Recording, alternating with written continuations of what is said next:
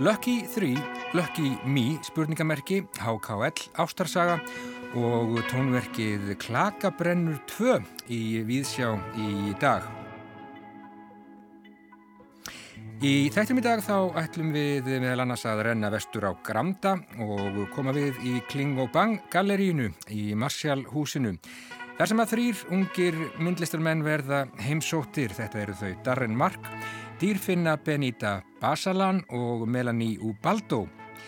Íslenskir listamenn af filipeskum uppruna sem samanmynda listahópin Lucky 3 og standa nú að síningunni Lucky Me spurningamerki þar í gallerínu meira um þetta í viðsjá í dag. Bókmyndagagrinnin hún verður á sínum stað.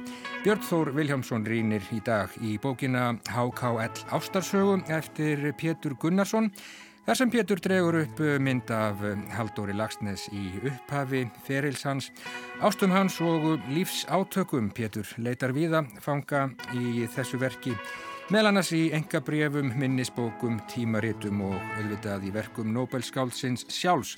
Við heyrum hvað bytni Þór fannst um þessa bók hér rétt á eftir. Hlustendur fá einnig að heyra tónverk sem frumflutt var á tónlistarháttíð Rásar 1 orðin hljóð sem framfór í Norðurljósa sal hörpu á dögunum. Í dag þá er röðin komin að verki sem að nefnist Klakabrennur 2 og er eftir Yngibjörgu Íri Skarpjensdóttur sem valdi sér skáldið Sigurbjörgu Þrastardóttur til samstarfs.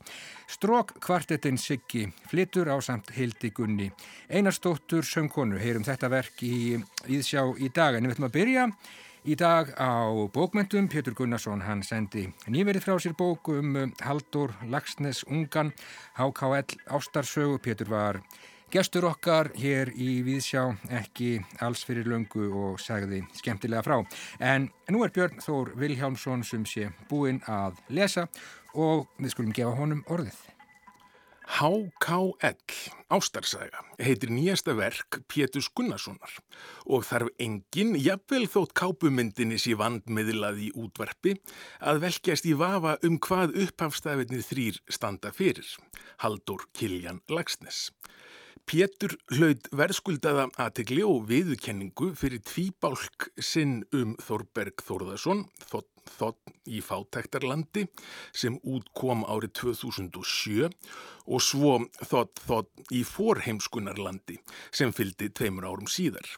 Með HKL bókinni sem núna byrtist en upphafs stafatitla eigaverkin sameinleg má segja að Pétur hefði gert tveimur helstu turnum íslenskra 20. aldar bókmenta skil og ber þess auðvitað geta að lífslöp þeirra er ná tengt.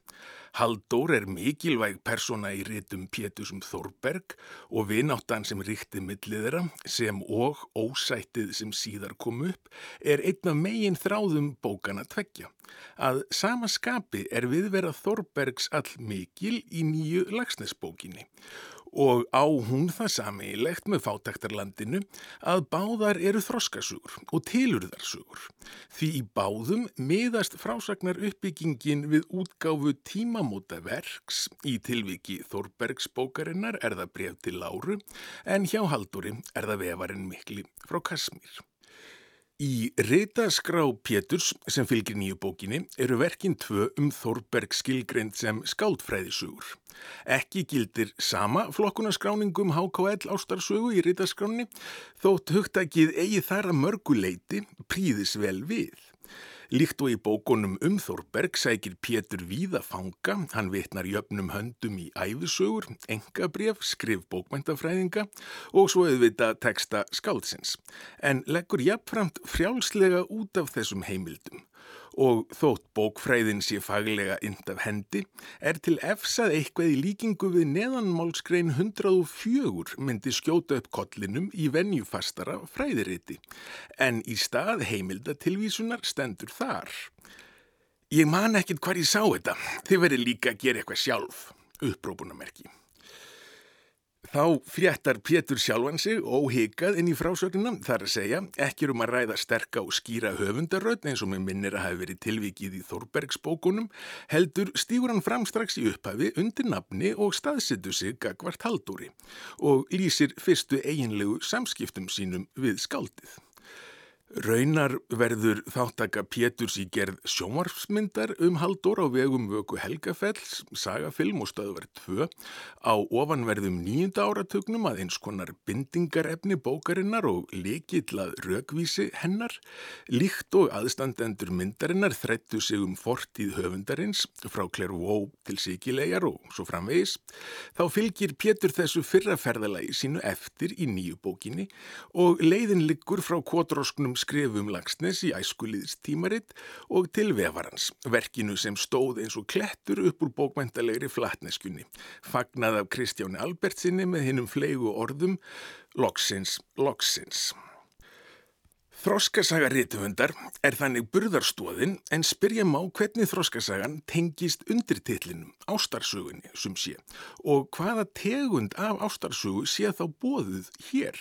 Síðan nefndu spurningunni er endar fljótt svarað en er það ástarlíf hins unga skálds sem er átt við. Pétur gerir grein fyrir konunum sem Haldur kynntist á þessu skeiði eða fram að þrítugu, konunum sem heitluðist af honum og í ákveðnum tilvikum heldu félítilli listaspýru uppi. Ekkert nýtt er hér borið á borð, sögulega séð eða staðreindalega séð, en það sem er nýtt er búningurinn sem Pétur klæðir atbyrðarásina og þá kannski miðlægni kvatalífsins og hins kynferðislega í samhengi við mótunar ár og þroskasögu skálsins. Sá forbóðinni skammar hjúpur sem kynlíf var sveipað á þessum tíma, höftin og bælingin og sögulegur þungi, sól þurkaðara og saman kreftra siðferðis viðmiða aftan úr grári fornesku, letiðu skinnjun kynjana hvort á öðru og tvískinnungurinn, framþungi feðraveldisins sem allstaðar vildi sitt og hvenn hatrið sem litaði hugmyndirnar um konuna, allt gerði þetta samskipti kynjana flóknari og hlóð þau annars konar tilfinningum en við eigum að venjast í okkar annars gallaða nútíma. Að sofa hjá var með öðrum orðum meiri hátur mál, svo ekki sér talað um hvernig það blasti við manni sem var á miðri vegferð til hinnar kathólsku kirkju. En að samaskapi verður lítið við frumkvættirnar átt, andin er til alls búinn, en holdið er veikt sem er gömulsaga og ný. En í aðkreftri og þjakaðri kynverund haldurs og vandasamri útrás kvatalífsins finnur Pétur eitt likil að þroska skáldsins að brjótast undan grettistaki áður nefndra ögunar kerfa og brenglunar valda Þar er ekki síst glímu ungdómsárana að finna og vefarinn verður ekki til fyrir en farið er að glitta í úrslit þeirrar glímu. Hér aðeins á undan nefndi ég að Pétur staðsetti sig hvert haldúri en í rauninni tók ég skref fram hjá því sem í slíkri staðsetningu getur falist og hvaða stakk menningaleg stærð skáldsins frá lagsnesi snýður nálgun hans. Í þessu sambandi væri gaglegt að taka skref aftur og bakk, skilja við Pétur í stuttastund og hverfa til upphams áttund áratugs síðustu aldar. Árið 1971 skrifaði Tór Viljámsson greinum hægi og stöðum íslenska riðtöfunda í breska bókmentatímaritið Times Literary Supplement en yfirskrift greinarinnar var að skrifa í skugganum af Íslandingasögunum. Nokkrum vikum síðar gerði bókmentagagrinandin Ólafur Jónsson þessi skrif Tórs að útgangspunkti í sinni greinum stöðu norrætna samtíma bókmenta og víkur þar nokkrum orðum að greinartilli Tórs. Reyndar fer ekki mikið fyrir skugganum af Íslandingasögum í greinagerð tórsum vanda og vekk sem þess að vera rítöfundur á Íslandi nú á dögum, segir Ólafur og heldur áfram, það er miklu frekar að skuggi Haldur Slagsnes, grúfi yfir hinnum yngri samtíðarmönnum hans, bæði heima fyrir og erlendis. Skuggi skálsins frá Lagsnesi. Skuggamyndlíkingin var auðvitað klísju, en það sem henni var ætlað að miðla átti þó sennilega við rauk að styðjast. Haldur Lagsnes, Kiljan. Stærð þessa manns í menningalífinu var býstna yfirþyrmandi, líka fyrir Nobelsvelunin, en eftir þau, Já, ef Íslands bókmyndakerfi væri eins og matador, þá mætti kannski segja að um langt skeið hafi það verið eins og Haldur væri búin að setja niður hótel á allar gödunar. Það var varðla hægt að reyfa sig á þess að borga honum rentu og samkeppnin sem fólst í teningakastinu kann að hafa virst hálf tilgangslös. Var ekki ljóst að maður hlitað endingu að standa upp í gjaldtróta anspænis hótelaveldinu öllu? Um tíma kann svo að hafa verið en svo líður og býður og hlutinni breytast og við höfum kannski lengi vitað að skuggamyndlíkingin var ekkit sérstaklega gagleg. Íslensk bókmæntalíf var fjölbreytara og þrótt meira á 20. öldinni en svo að gljúrasteinn væri þar eina kennileitið sem skipti máli. Fátt er heldur jafnlíklegt til að draga tennurnar úr höfundi en að verða skildulesning í skólakerfinu og nú er svo komið að sumir hafa áhyggjur af því að ekki sé verið að lesa haldur ár. Allavega sé unga fólkið ekki að gera það. En Pétur, og nú komum við aftur að honum, fer ekki neinar gravgötur um það risavaksna hlutverk sem HKL gegnir og hefur alltaf gert í hans vitundar lífi og menningar skinnjun, nokkuð sem lesendur Péturs í gegnum árin hafa auðvitað vitað og kemur þar að mikilvægum merkingarauka undir titilsins.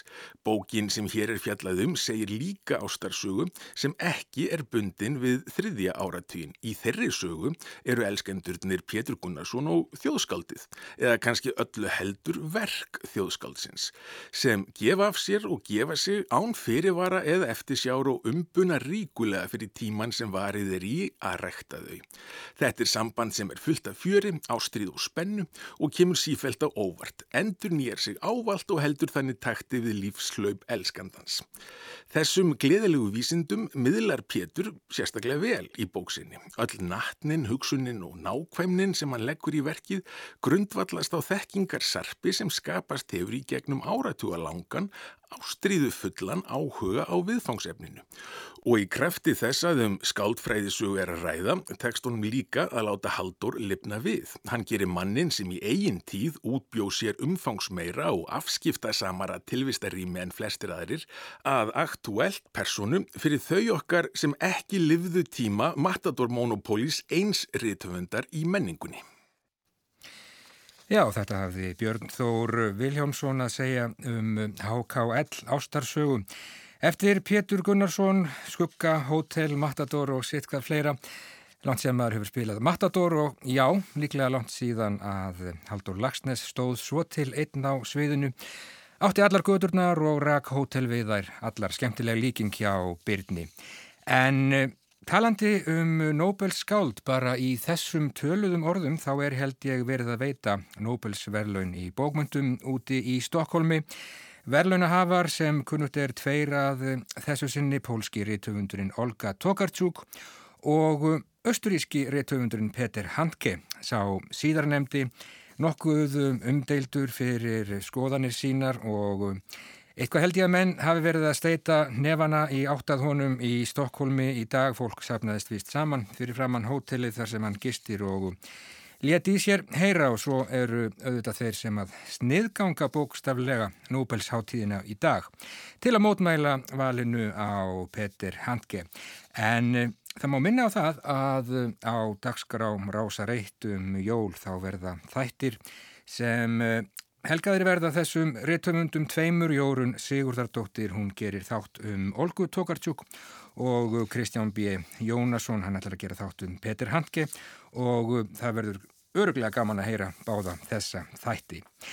En við höfum hér í viðsjá undan farna þriðjudaga heyrt tónverk sem Frumflutt voru á tónlistarháttíð Rása Reitt orðin hljóð sem framfór í hörpu undir lok november mánadar en það var Daniel Bjarnason sem var listrætt stjórnandi háttíðarinnar. Í dag er rauðin komin að þriðja tónverkinu sem nefnist Klakabrennur 2 og er eftir Ingi Björgu Íri Skarpjensdóttur sem að valdi sér skáldkonuna Sigur Björgu Þrastardóttur til samstarfs. Strók kvartettin Siggi flitur á samt eh, Hildigunni Einarsdóttur söngkonum. Heyrum þetta verk hér rétt á eftir en fyrst í aðstandendum verksins.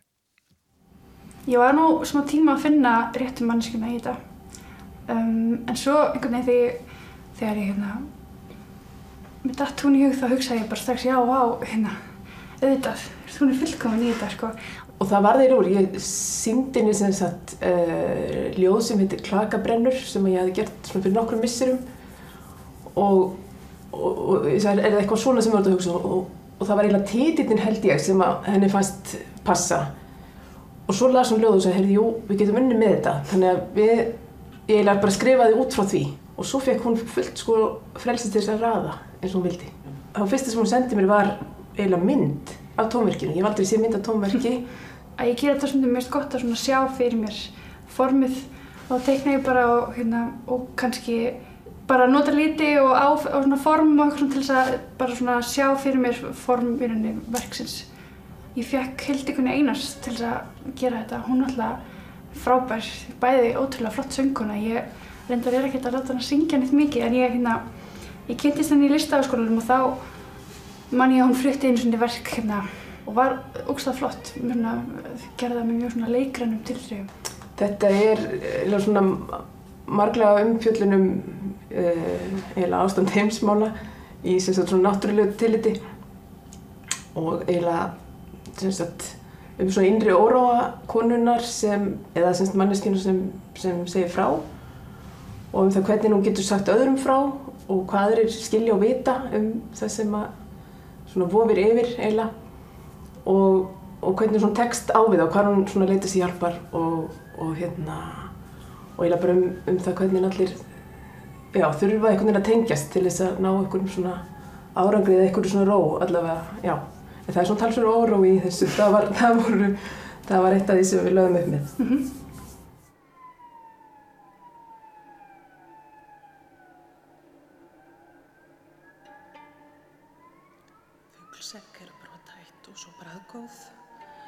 Beggja fóreldra er nöðsileg til að liggja á, þannig er pörun, heimting náttúrunnar, blómi ekki, blæju, skurn. Fuglsekk eru brotætt og svo braðgóða nærvera beggja fóreldra er nöðsileg til að liggja á, þannig er pörun, heimting náttúrunnar, blóm í ekki, blæju, skurn.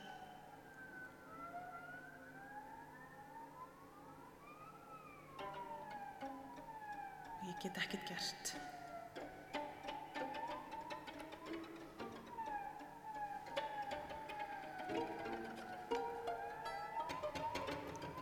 Hvernig ég skrifa bókstafinn G lýsir öllu. Ég vind mér mjög örglega undan árásum en lendi ófrávíkjanlega í snörunni. Barni þarf líka sólarhinsvend, þótt ekki sé það vegna bræðsins.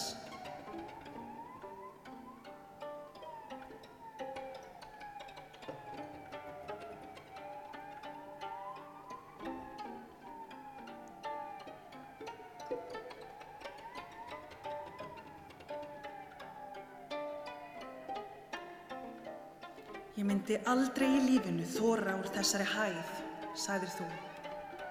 Samt skreiðstu í of þraungum sundbuksum út á brúnina á rauð-bleiku brettinu sem er tungan mín og hoppaðir í fáein skipti eins og til uppbytunar áður en þú lést vaða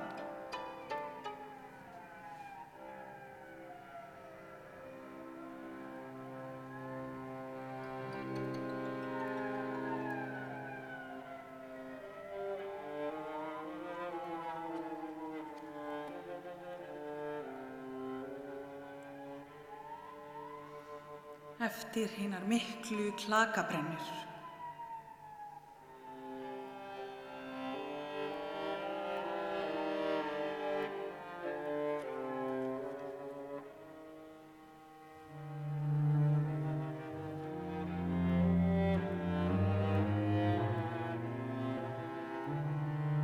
Af því þú ert halvur onni, ég veit þú ert halvur onni, sleppi ég bláhápnu mínum lausum.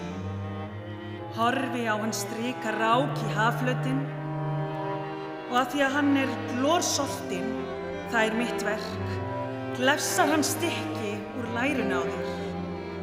Í sömu andrá og hann keirir opinn kæftin aftur, kalla ég hann heim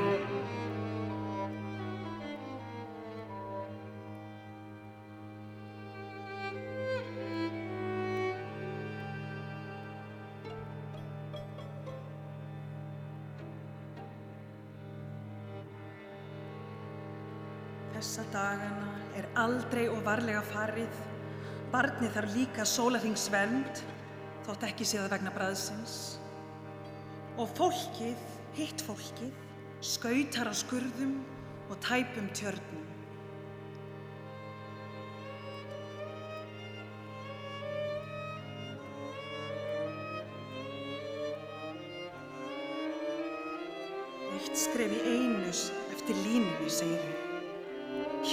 Vestamegin, handstaða í miðju, herðagripi, sveia bak, flugvél fyrir yfir, ekki fipast, lenda á strektu reipinu, halda ró, eitt skref í einu eftir sjóndildarhengnum. Og þú svona haldur. Innæðar losa sig úr höfðinu og vaksa niður eins og gullrætur, segir læknirinn. Því hann vill, taka, hann vill taka vel á móti mér, barninu, bláháfnu. Ég get samt ekki hægt að gráta.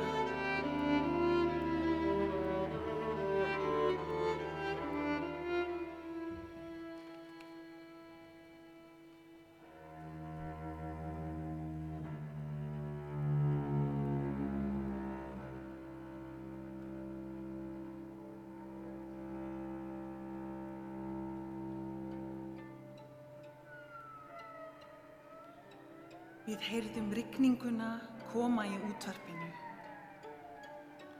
og höfðum yfir þöluna. Komi mér hjálp af jörðu, sigur af sólu, sæla af tungli, stóð af stjörnum. Á meðan við dróum galdrastafinn í sigurinn en myndum ekki rest.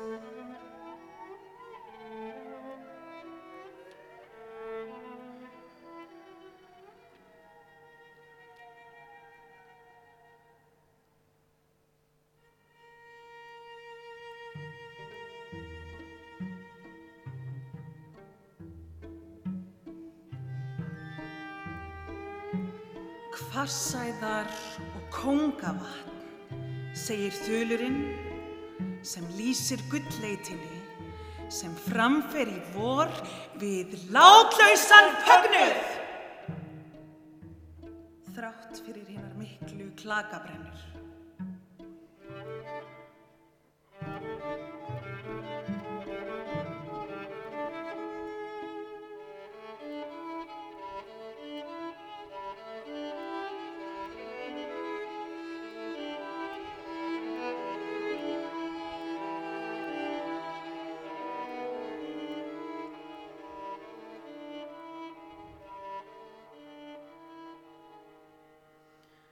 Landið er grunnsamlega sveikt, eins og strengt á fúa varðar afta. Að verki einhver segulhugsun og við sógumst inn.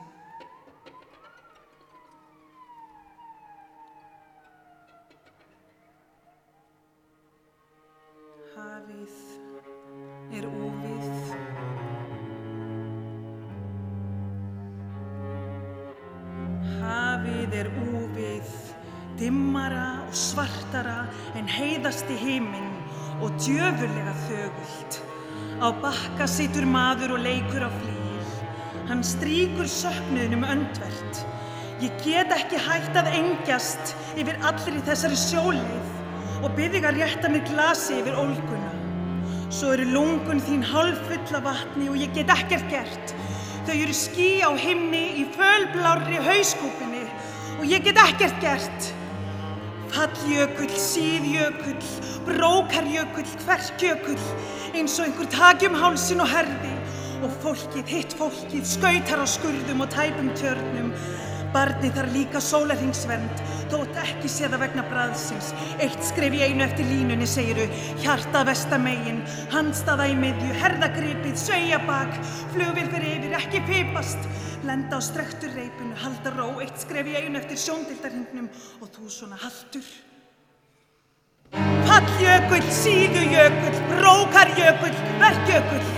Ég þræði tyggjokúlur og stringdan þráð og mála á þær steina með fínhættum pensli. Það er svo langt síðan ég horti augun á einhverjum þegar ég vakna. Einhverjum sem veit, Látum hári fljóta á vassflitunum, látum varir mara í veldu salti, logandi blóm í brótættu eggi, svo bráðbóði að stöðum nærvera allra er nöysileg. Dregst þoka yfir augun heit og svæsin, móða, þannig hugsa ég um hugtæki móður. Það var pólmerkir í kjarnan að það var komið einhverjum í dalandi heiminn og vera dæmdur til að gæta hans alltaf. Jörðin er ekki lífræn heilt, heldur logandi blóm í eggi og ég kissi þig af náði hverju skinni. Látum hárið fljóta á vassfetunum, látum varir mara á veldu salti. Eitt skrif í einu eftir línunni segiðu, hjarta vestamegin, handstaða í miðju, herðagripið, sveia bak, flugvél fer yfir, ekki fipast, lenda á strektu reipinu, halda ró, eitt skrif í einu eftir sjóndildarhingnum. Og ég kissi þig af náð í hverju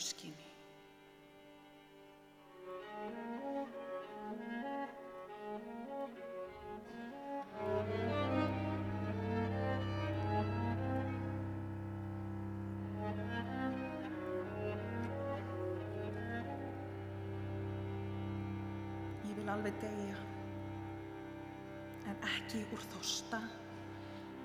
Ég vil alveg elska, tildra hátt upp í stromp og eiga vél, en ekki þeyja.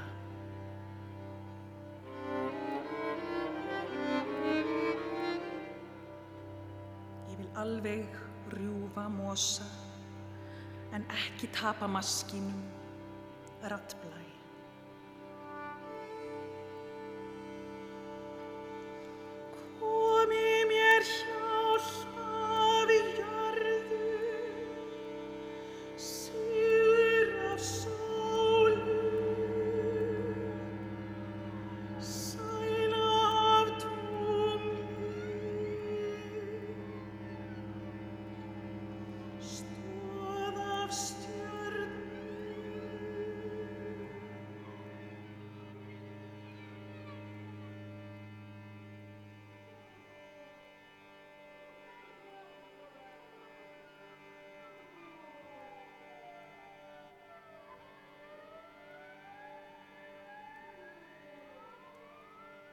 Styrkur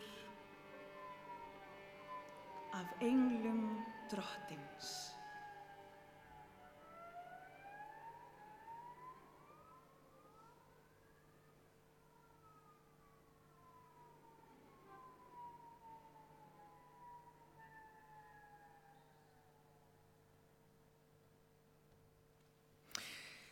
Já, verkið Klakabrennur 2 eftir Ingibjörgu Íri Skarphéðinsdóttur og Sigurbjörgu Þrastardóttur, strók kvartetinn Siggi, flutti á samt Hildigunni Einarsdóttur söngkonu. Þetta var frumflutt á tónlistarháttíðir ásar 1 sem framfór í hörpu Norðurljósa salundir lok november mánadar. Eitt af fjórum verkum sem að þá voru frumflutt og send út hér á Rás 1. Og eftir vikum þá heyrum við hér í Víðsjá fjórða og síðasta verkið sem var frumflutt á þessari tónlistar háttíð meira en það síðar. En Við ætlum að bruna vestur á Granda hér eftir fáinn augnablík en uh, það er auðvitað komin 10. desember stutt eftir af árinu og fjölmiðlar viða um heim auðvitað farnir að velja bestu plötur ásins. Hver listin á eftir öðrum byrtist í blöðum og á vefmiðlum. Það er tími í storminum og myrkrinu fyrir lag af plötu sem að kom út fyrr á þessu ári og er hardla góð og já, hana má finna á ýmsum listum yfir bestu plötur ársins 2019. Það hljómar nákvæmlega svona.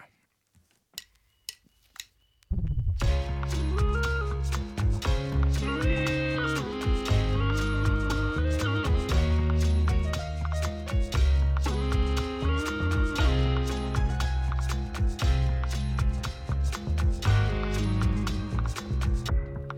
snow fell last night.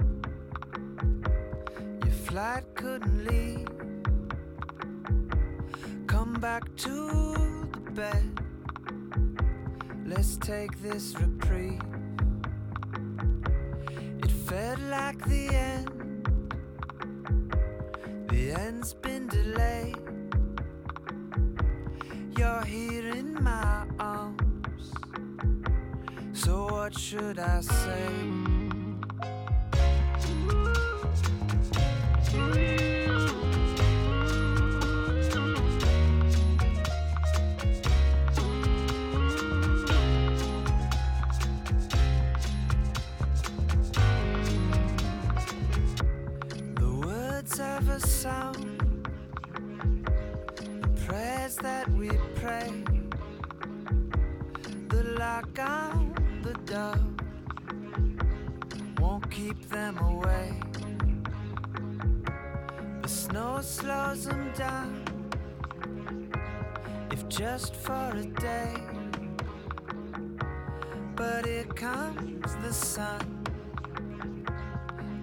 Toxic gold rays. Trains start to move, bells start to ring. The seasons we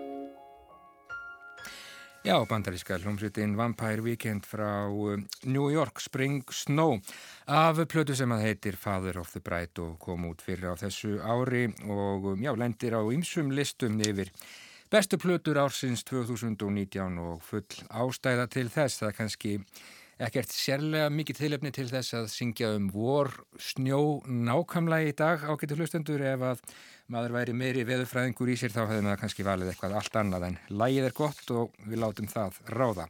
En þá ágættu hlustendur likur leið okkar vestur á Granda í Kling og Bang galleríið í Marshall húsi þar sem við hittum þrjá íslenska listamenn. Dýrfinna Benita Basalan, Melanie Obaldo, Darren Mark. Komið öll sæl.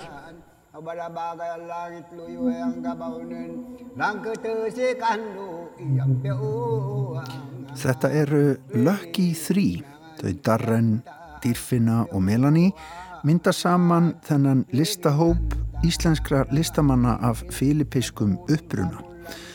Þau er búin að koma upp síningu í Kling og Bang galleríi í Marshallhúsinu sem þau kalla Lucky Me bæta við spurningamerki á eftir. Þessi síning er tilenguð nostalgískri tólkun á filipískri menningu eins og þetta unga íslenska fólk sér hana.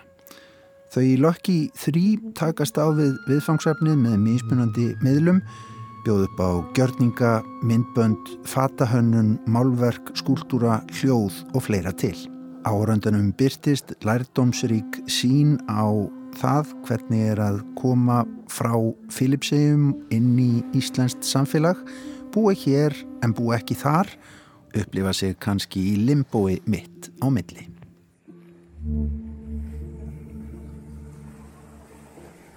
Þið eruð the lucky three. Hvað, hvað er svona lucky í gangi? Akkur eru þið svona heppin?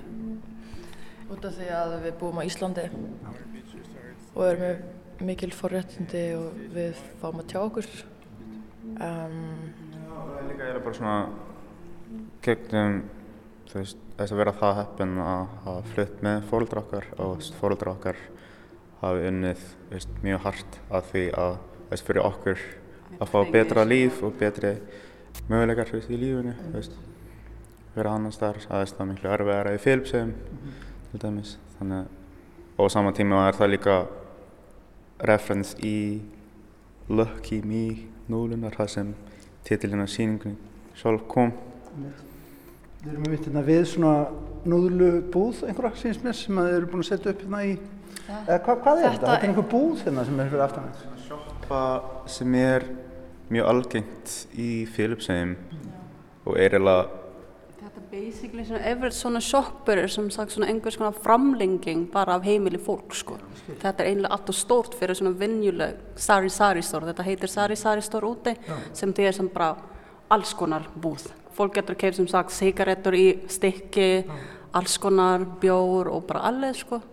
Og sem sagt einhvers konar framlenging bara á heimili fólks, bara auka tekjur fyrir fólk. Og Líka allt selt í svona litlum Já. og svona ódýrum pakningum þannig að það sé, af það er ekkert margir sem geta farið og keift bara heila sjampúflösku, þú stundum eiga þau geta efni á því, þannig að þau geta keift þessar litla pakningar og þú veist, látið að dragast út vikuna eða kannski, þú veist, það bara fer eftir hvers og, hvern og einn, sko. Og þess vegna eru þessi hlutir svona litlir og svona easy. Já, pínu litlir einfaldir hlutir sem þú getur Já, kestir. bara eins og tannkrem, sjampó, krem. þetta er svona einnóta Já. fjölda, já, magni. sem er kannski líka ástæðan sem að það er mikið, mikið rusl og plast í uh, þriðju heim út af því að þetta er svo mikið svona það, það fólk hefur ekkert betri kost. Það er bara einnóta, einnóta. Já, já. Sko, seg mér aðeins bara frá því, svona, eru þið fætt á Íslandi eða hvernig er það? Ég er fætt á Íslandi og þau... Já, flutti hér á unglingsárum, það er miklu yngri. Ég hef flutninga þegar ég var 8 ára, frá 2001. Hvað er gammal dags er? 26. 26. Þú? 27 og 27. Já. Já. Sko, eru þið í einhverjum tengslum við gamla landið að viti? Bara fjölskyldun okkar. Já. Það er það, sko. Já, fjölskyldu. Er það í gegnum þá tölvu eða farið líka? Hafið þið verið að fara til Filipsið? Bæði. Bæði. Bæði. Og seinast núna í februar, bara, já, það var afmælisgjöfin frá mömmu minni, sko, því annars maður get, hefur ekki efni fyrir að ferða að sanga sjálf, sko. þetta er það er bara alltaf, já, er bara alltaf þannig að bara fara bara með alla fjölskylduna í svona samileg ferð því það er eina leiðin, sko, til að geta farið. Annars er þetta bara alltaf dýrt ferð. Nú hef ég ekki komið til Filipsið. Hvernig er fyrir ykkur að koma til Filipsið? Það er einmitt þess, það var einmitt stór part af þessu sýningu sko, að það er svona, við erum sérstaklega við þrjú, það, við erum svona í svona, í mjög svona skrítin stað in between heimur. Á Íslandi, Já, áttu á við? Íslandi, á Filipsjár. Bæð, báðum Báðum, báðum meginn sko. Við, á Íslandi bara, við erum Íslands en samt sem að við lítum út svona, þannig það er alltaf svona, þú ert svona an outsider sko. Að menn úti, við erum búin að búa hér svo lengi, að við erum basically túristar þegar við erum þar. Já. Þannig, hvar erum við þá í þessu sammengi? Einhvers er í miðju hafi líka við stundum. Já.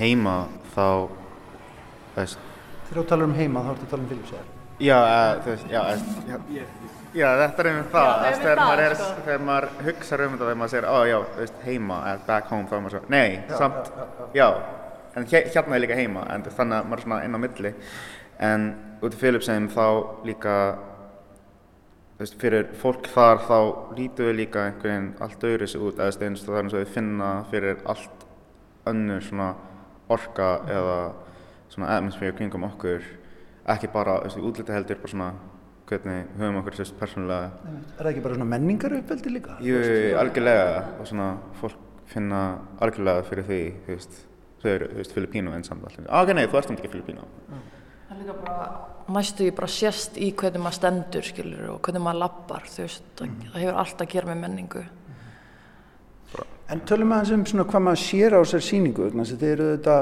svona, maður er bara svona snöggur að sjá það, þið eru aðeins bara fjallum þetta á mjög fjölbreyttan há- hátt, sko, hvað, í hvaða mynd heim sækið þið, Hva, hvaða myndir eru þið að draga upp, bara að þið takið dæmi hérna? sem við sjáum bara hérna? reynslu. Já, og sérstaklega að allas upp í fátæk sko, fyrir þetta er bara vonandi sýningargestur okkar, sérstaklega opnun, sem var bara með, já, ég meina sýningargestur okkar í þessu sýningu verður bara, yfirleitt verður bara hvítir allan tíma sko. Við vonum þannig að þegar þeir lappa inn í þessu heim, í þessu spacey að það er bara, já, ég er komin í allt annað minningarheim. Og svo minningarheim sem við erum að reyna að tólka er sem sagt þessi að bara fátækt í svona þeirra heimslöndum sem Philips er er. Þannig það er svo mikið svona boxing og körfubolta, mjög janky er orðið sem við bara sem notaðum mikið í þessu í vinnuferli og svo þessi hólsteinar hér með svona brotnum gleri on top sem er sem sagt þjóvarvört úti Já, já, þetta er sem bara eiginlega hlaðin veggur eða hálf hlaðin veggur með, með glerbrótum ofan á Já. og bara eins og til þess að varna gegn þjóðum. Já, Ótrúlegt. Og svo þessi sjoppu sem lítur út svona, Já. bara svo, svo mikið svona DIY aesthetic í gangi og já, sérstaklega svona aesthetics of poverty, bara það sem við vorum að nýta svo mikið. En á sama tíma erum við líka að reyna að koma inn þú veist hvað annað væpinu sem að er í filmsum með því að setja inn eins og vídeoverkin og hafa til dæmis matinn á opnuninni og karaoke í gangi. Þannig að fólk er ekki bara að horfa á heldur það er líka að finna fyrir kannski og verða vittni af ykkurju og sérstaklega á opnuninni þá kom okkar, kom okkar fjölskyldur og það var bara ótrúlega áhugavert að sjá hvernig fólk var einhvern veginn að haga sér öðruvísi en samt á góðan hátt sko, þau voru bara svona virkilega bara forvitin. Inn í þessu hvíta, hérna, fína galleríi. Já, nefnilega og það, það einhvern veginn það er svolítið við líka að taka okkar pláss og segja söguna okkar í þessu hvíta rými. Að vera með læti og bara actually að kýla á þessum alls konar svona opportunity sem er í bóði fyrir fólk er ekki sérstaklega já, fólk frá okkur uppruna eða þannig er bara svona innflyttinir hér á landi finnst það enda á svona sketchy að, já að taka sér, já, að vera með læti Já, akkurat. Að láta þínu rödd, þú veist, heyrast. Þannig að þýðir ekkit annað fyrir ykkur en að koma henni inn bara og, og taka eitthvað stöðu. Já. En það sem, það sem gerir líka þessa sýningu kannski sérstögra er að þótt að við erum að vinna með hluti sem eru veist, frá Philipsheim og það sem við svona munum eftir og veist, öll saman eiginlega er að veist, við gerðum þá með efni Sem eru boði hér á Já, sem Íslandi. eru bóði hér á Íslandi til þess að tengja ennþá meira þú veist, þannan, þess við þannan svona in between, veist, inn á milli heimur sem við erum í. Gera það ekki of bókstaflegt að taka bara eitthvað sem er frá Philipsheim og presentera það inn í er einhverju ákveðinu spacei heldur meira svona ok, við erum með þessa minningu, hvernig getum við búið til ákveðinu hlut eða verk? Það var mikilvægt að finna ákveðin jafnvægi með kannski efnin sem við vorum að vinna með Sko, en nú eru þið greinlega með hugan við, sko, ef við tölum um gamla og nýja landið, einhvern veginn. Þið eru með hugan við gamla landið, en kannski miklu mikilvægara spurningu, spurning fyrir þetta samfélag sem við erum í, er hvernig ykkur er tekið í nýja landinu. Þið hefur ekki ákveðið að fara að gera sýningu um það, hvernig það er að vera að filipiskum uppruna á Íslandi og hvernig svo tilfinning er. Ég veit þið eru aðeins að leika ykkur með það en þið kannski farið ekki allarleið þangað heldur. Ég held, Þetta er líka bara svona, þetta er er það sem við gerum fyrst saman að ég held að það hafi verið bara svona instinkt að þetta væri kannski svona fyrsta og mikilvæga skrefi til að taka er veist þetta subject og síðan getum við síðan farið inn í Inn í, já. já það er kannski svona eitthvað áframhaldandi þú veist Áframhaldandi. að við vorum að stopna þetta, bara- þetta kollektiv Lucky 3 og líka bara það var ótrúlega mikilvægt fyrir okkur að sjá fóreldra okkar og fjölskyldu koma á stað og finnast eiga heima þar. Út af því að þau hafa kannski komið á sýningar hjá okkur en þau eru svona þau eru ekkert að tengja og þau, svona, þau sína náttúrulega mi- mi- mikinn stuðning en þegar þau koma hingað þá sjáu þau sjálfa sig í öllu og eru ótrúlega stolt af því að vera þau og það sést á þeim og það er líka eitt af ástafanum sem að við gerðum þetta var til þess að gefa tilbaka til okkar ættingja og, og aðra eins og okkur sem upplifa sig eins og við. Pero dito sa start ng Station 1, yung mga paraw, Þau voru líka mjög tilbúin í þetta sko, jafn mikið við og það var líka partur af við þegar við vorum að undirbúa sýningin þá vorum við líka að tala við fóröldra okkar sko. Við, Það var enda gett góð strax komin að þetta snýr sem okkar tólkun á menningunni, okkar nostalgist tólkun á því. En samt sem aðra bara, það er líka auðvitað stór part af við hvernig fóröldra okkar upplifði þetta líka sko.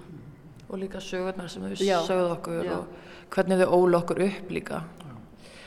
Og ég myndi segja að þau væru líka partur af sýningunni, alveg klárlega. Já, til dæmis, mér langaði að nefna á opninni þá var frænka mín, hún tók lægið og það kom í karaoke sem sagt, í verkinu þar.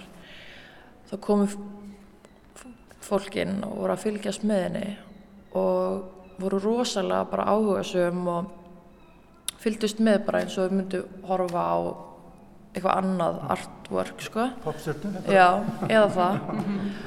Það var svo ótrúlega fallegt, ég fór næstu að gráta út af því að ég hugsaði bara eitthvað, þetta er það sem að ég upplefi bara í öllum matabóðum skiluru heima, þú veist, það er bara venjulegt að fara í karaoke og haga sér eins og við höfum okkur í rýminu og hvernig við, já, og þá var fólk einlega svona komið næstu inn í stofu til okkar, skilur, á sama tíma.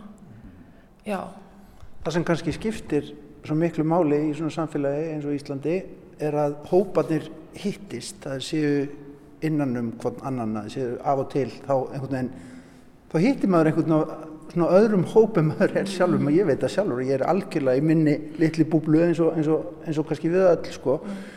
Er þetta ekki mitt svona framlag til þess að kíkja inn í annars konar búblur? nákvæmlega. Þú veist, ég ímynda mér alveg að það sé ótrúlega bara, hvað segir maður, um, educational.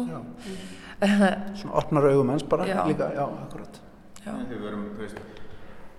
Það að þú veist, við sem filipinsku hópar á Íslandi, það er einn búbla. Og síðan erum við öll, ekki bara Filipsing, heldur bara allir í sinni einn búblur, þannig að þú veist, Þeir eru listakrakkar, já, þannig að þú veist, það er aldeilis búbla já, kannski eh, til að bæta ennþá meira við hvernig, þú veist, fólk ætti að taka allt hérna inni er bara hlusta og bara hreinlega að horfa. Meta og njóta.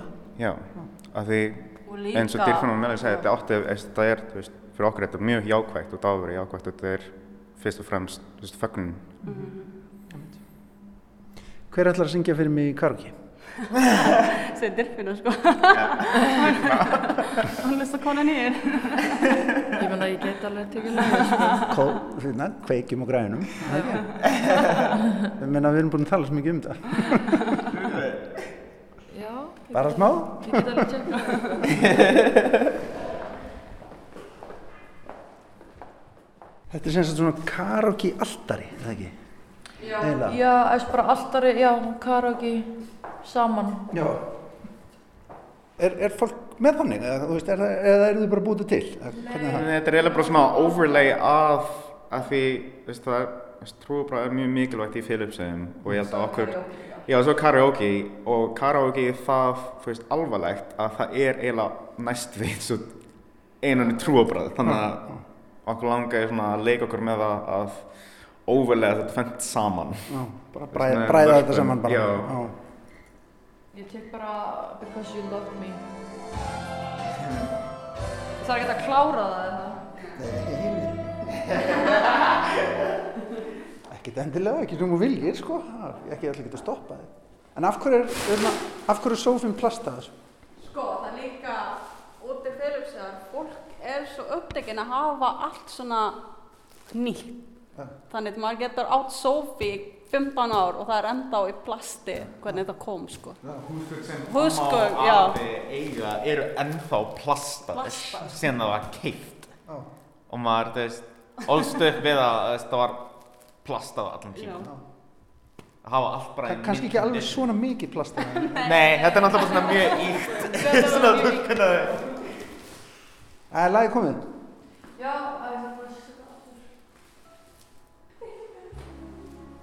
Já, það.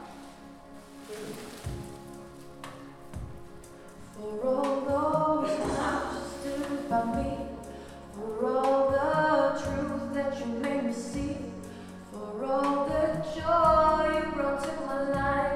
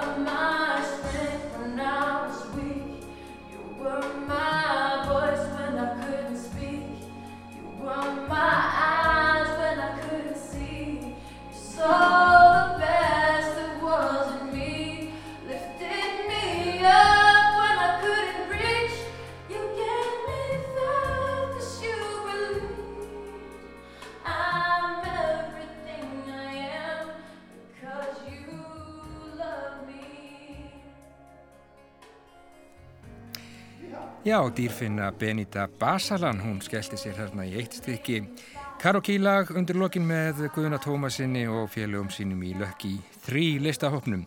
Þeim Melanie Ubaldo og Darren Mark en saman standa þau að sínungunni.